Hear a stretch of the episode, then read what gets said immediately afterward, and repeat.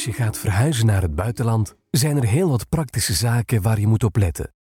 Ook juridisch en fiscaal verandert de volledige context. Griet van den Abelen is advocaat bij Tibergij en experte vennootschapsbelasting en estate planning. Podcast Tibergij. Fiscaal, zowel op vlak van inkomstenbelasting als op vlak van schenk- en erfbelasting, kom je in een volledig ander regime terecht. En daar moet je wel rekening mee houden met die wijzigingen. Bovendien, ook op civiel vlak, hè, moet je je huwelijkscontract en je testament toch laten nakijken, omdat ook daar de verhuis een impact op uh, kan hebben. Dus het is vooral zaak zich goed uh, te laten begeleiden en goed na te denken um, als je de stap gaat zetten.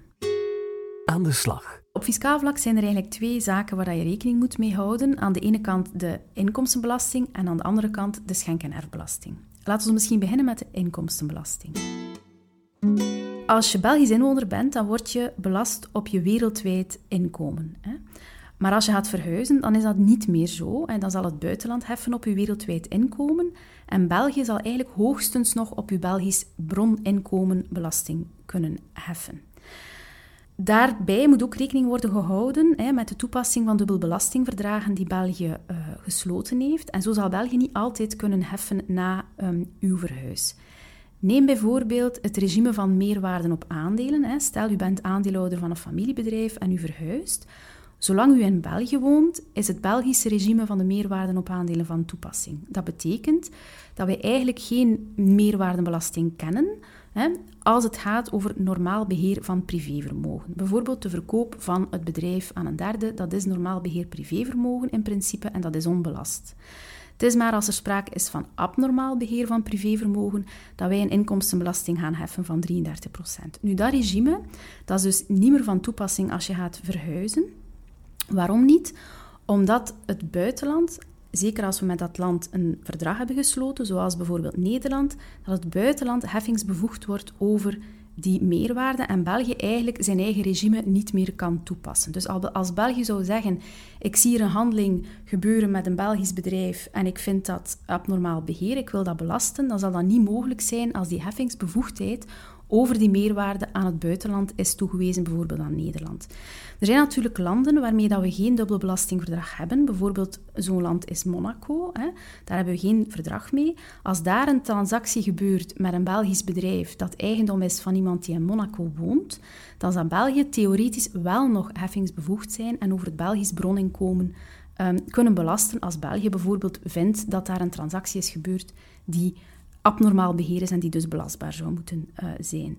Nu, België gaat bij vertrek um, geen heffing opleggen, hè, dus omdat wij geen echte meerwaardebelasting kennen. Enkel in uitzonderlijke gevallen hebben we dat. Hè.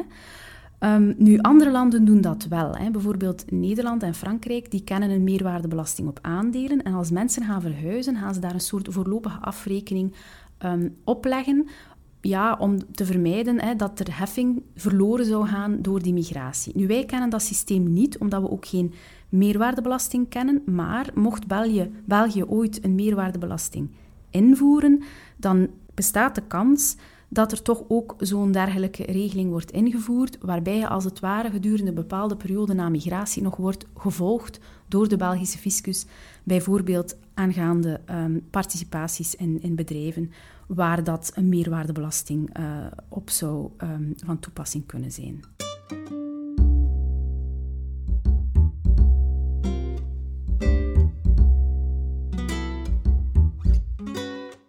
Tweede aspect waar je rekening moet mee houden als je gaat verhuizen, is de toepassing van schenk- en erfbelasting.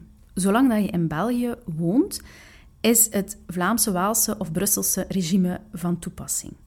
Als je gaat verhuizen, is dat regime niet meer van toepassing, maar val je dus onder de schenk- en erfbelasting van het land uh, van waar dat je gaat wonen.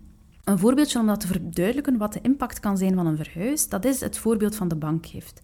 Stel je doet een bankgift terwijl dat je in België woont, dan is de regel dat je eigenlijk op die bankgift geen schenkbelasting moet uh, betalen. Je mag dat doen, maar je moet dat niet doen. Als je dus geen schenkbelasting betaalt, dan is de regel dat als je overlijdt binnen de drie jaar na die gift als Belgisch inwoner, dat uw erfgenamen alsnog erfbelasting uh, dienen te betalen. Overleef je die driejaarsperiode, dan is er geen erfbelasting meer verschuldigd en is er ook geen schenkbelasting uh, betaald. Nu, als je gaat verhuizen, dan zal die driejaarsperiode als het ware verdampen en niet meer van toepassing zijn. Waarom? Omdat je geen Belgisch inwoner meer bent. Je kan maar last hebben van dat driejaarsrisico als je effectief gaat overlijden als Belgisch inwoner. Dus dat is een element dat eventueel gunstig kan zijn um, als je gaat verhuizen en dat bekeken kan worden wat dat de impact is van vroeger gedane uh, schenkingen. Nu, België volgt zijn inwoners ook niet als uh, je gaat verhuizen. Hè. Er zijn landen die dat wel doen. Hè. Nederland is een voorbeeld, Duitsland is ook een voorbeeld. Als je de Amerikaanse nationaliteit hebt, moet je ook altijd met uh, de Amerikaanse fiscaliteit nog altijd rekening houden waar dat je ook woont. Nu, op fiscaal vlak is het zo dat de OESO in een recent rapport landen aanraadt om toch bepalingen op te nemen waarbij men zijn inwoners eigenlijk nog een tijdje gaat volgen voor de toepassing van de schenk- en erfbelasting, om eigenlijk fiscaal gedreven migratie um, tegen te gaan. België doet dat op dit moment niet. En voor zover bekend is er op dit moment ook geen plan om dat in te voeren. Maar er zijn dus heel wat andere landen die dat wel doen. En dus dan op dit moment, als je nu gaat verhuizen, hoef je daar dus geen rekening meer mee te houden. Wat moet je concreet doen als je gaat verhuizen? Nu, verhuizen is natuurlijk meer dan enkel uw inschrijving in het Rijksregister laten schrappen en uw inschrijven in een ander land. Dus je moet ook in de feiten uh, verhuizen. Vandaar dat ook een fiscaal gedreven migratie eigenlijk geen slimme zet is. Je moet ook effectief je hele privéleven naar dat andere land overbrengen en je moet eigenlijk je banden met België toch zoveel als mogelijk um, doorknippen. Dat is zeker niet evident voor iemand die in België professioneel nog actief is. En dat is ook niet evident voor iemand die in België nog schoolgaande kinderen heeft en wiens gezin hier eigenlijk in België um, blijft. Dus dat zijn zeer belangrijke zaken om, om te bekijken. Hè. Um, en als je dus gaat verhuizen, moet je ook echt gaan verhuizen. Weet ook dat het theoretisch mogelijk is om een ruling aan te vragen bij de bij de fiscus over uh, de vraag of dat je al dan niet als rijksinwoner kwalificeert voor de inkomstenbelasting en voor de schenk- en erfbelasting. Daar zijn een paar uh, rulings over. Nu, dat is op zich wel interessant om dat te doen. Maar anderzijds um, zal je aan de rulingdienst toch ook wel heel wat feiten moeten meegeven op basis waarvan de rulingdienst kan beslissen of je al dan niet inwoner bent. En belangrijk is natuurlijk ook dat die feiten ook in de realiteit zo blijven. Hè? Want als bepaalde feiten wijzigen, dan kan het zijn dat op een bepaald moment de fiscus toch zegt dat de ruling niet meer kan uh, worden of dat die eigenlijk in uw specifiek geval niet meer um, geldig um, is. Dus belangrijk is inderdaad dat er daadwerkelijk verhuisd wordt en dat, uh, dat je dat ook effectief ziet zitten om dat te doen en dat dat dus ja, heel zware consequenties heeft voor de privésfeer. En daaruit volgt dan eigenlijk het fiscale, niet omgekeerd. Welke landen zijn fiscaal interessant te noemen? En geldt dat misschien ook voor België? Zoals aangegeven in de intro, um, verhuizen mensen zeker niet alleen om fiscale redenen, maar er zijn wel een aantal landen die voor vermogende particulieren bepaalde kenmerken hebben die toch interessant kunnen uh, zijn. België is trouwens zelf ook voor een stukje zo'n land, hè, want wij hebben wel een zeer hoge erfbelasting, dat klopt. Maar we kunnen eigenlijk vrij goedkoop schenken aan onze erfgenamen of aan onze familie. Hè. We kunnen schenken zonder betaling van schenkbelasting in sommige gevallen of met een gunstregime. Maar schenken is in ieder geval veel goedkoper dan erven.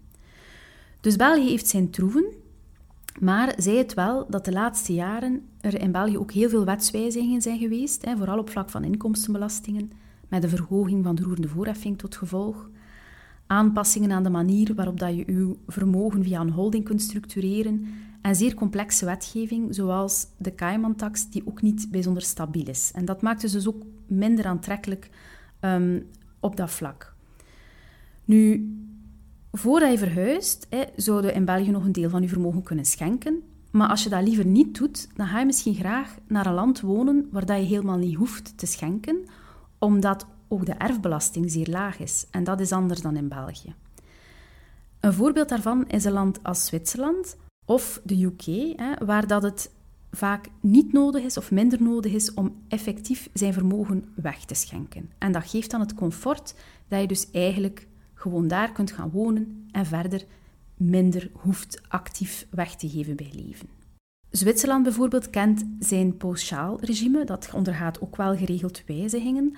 In een aantal kantons is dat al niet meer beschikbaar, maar in een heel aantal wel. En het komt er eigenlijk op neer dat je belasting betaalt op een forfait, een minimumbedrag. Dat minimum is op dit moment 400.000 Zwitserse frank. En het moet ook minstens zeven keer de huur zijn van uh, de woning die je zou bewonen. Dus er wordt belasting betaald op het forfait, maar dat forfait is voor een aantal mensen toch vrij hoog. Hè. Je moet toch een bepaald vermogen hebben vooraleer dat dat interessant is.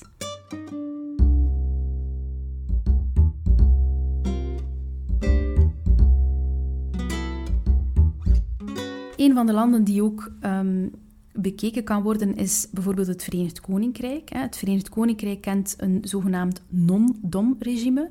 Een regime dat van toepassing is op mensen die non-domiciled zijn in de UK. Onder dat regime word je eigenlijk alleen belast op het UK-inkomen dat je dus verdient. Dus als je daar gaat werken, word je belast op je UK-beroepsinkomen.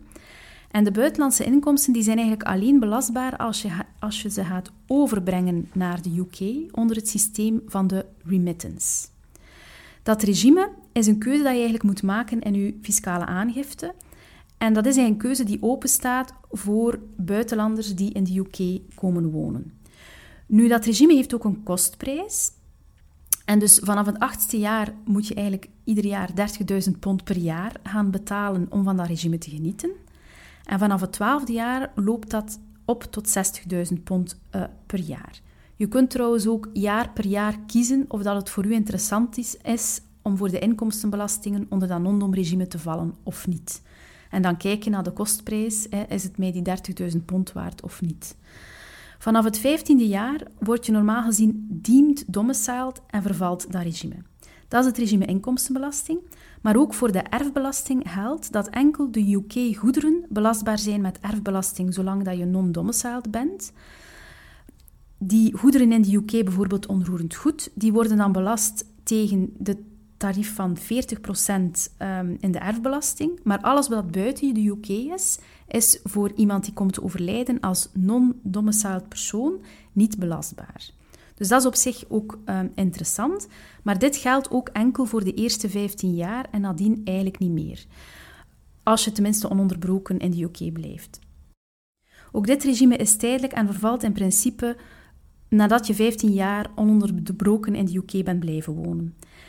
Um, het is aan zaak om eigenlijk tijdens de periode dat je non-domiciled persoon bent, de nodige vermogensplanning op te zetten vooraleer die periode verstrijkt. Merk op dat het aantal non-domiciled personen de laatste jaren ook is gedaald en dat je sinds de brexit ook rekening moet houden met de regels in zaken de verblijfsstatus. Al naar gelang de omstandigheden is vereist dat u in de UK bepaalde investeringen doet, alvorens u verblijfsstatus wordt toegekend in de UK. En dat speelt natuurlijk ook mee in de beslissing om uh, naar de UK eh, te verhuizen. Dus Zwitserland en de UK zijn eigenlijk twee landen die wel aantrekkelijk zijn, maar die toch veronderstellen dat je een bepaald vermogen hebt hè, om van dat regime nuttig gebruik te kunnen uh, maken, mocht de gelegenheid zich aandienen.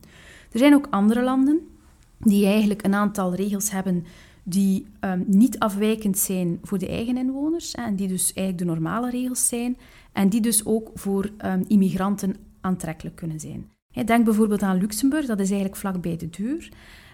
In Luxemburg is er een rechte lijn, en dus naar de kinderen toe, en tussen echtgenoten in feite geen erfbelasting verschuldigd, als de vererving gebeurt conform het Luxemburgse erfrecht. Verder is het zo dat uh, Luxemburg bij immigratie ook een step-up geeft. Hè. Dus als je een participatie hebt in een Belgisch bedrijf, als je het België vertrekt, gaat België niet vragen om belasting te betalen um, over de aangroei van, dat, uh, van die participatie, maar omgekeerd gaat Luxemburg wel zeggen van kijk, je komt hier toe, je krijgt een waarde voor die participatie die de waarde is op het moment van migratie. En dat betekent dat je dus bij een latere verkoop of een latere herstructurering eventuele belasting berekend wordt ten opzichte van die hogere waarde bij migratie. Dat is wat we zogezegd een step-up noemen en die dus uh, toegekend wordt in Luxemburg. Ook andere landen kennen dat principe. Nederland is zo'n voorbeeld. Dat is een land die eigenlijk helemaal niet de reputatie heeft van een uh, aantrekkelijk oord te zijn voor vermogende particulieren, omdat het een land is dat een vermogensrendementsheffing kent, dat ook vrij hoge schenk- en erfbelasting kent en dat eigenlijk heel wat uh, maatregelen heeft om ontwijking tegen te gaan. Maar wat ze dus wel doen, is als je gaat verhuizen, als basisprincipe wel een hogere verkrijgingsprijs toekennen aan participaties die de immigrant aanhoudt als hij um, aankomt. En dat geeft ook bepaalde mogelijkheden tot structurering um, op vlak van inkomstenbelasting. Verhuizen is dus niet alleen een adreswijziging. Je doet er goed aan om ook andere administratieve zaken goed te regelen.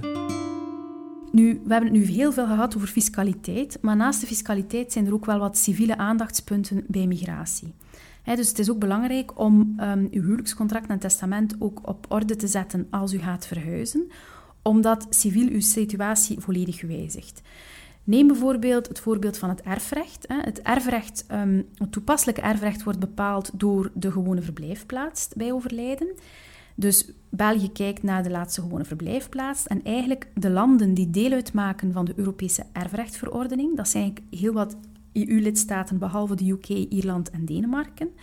Al die landen hanteren datzelfde principe. Dus als je gaat verhuizen en je hebt helemaal geen testament, dan wijst het ook je erfrecht. Dus dat is ook wel iets om rekening mee te houden en um, advies uh, over te vragen als u gaat verhuizen.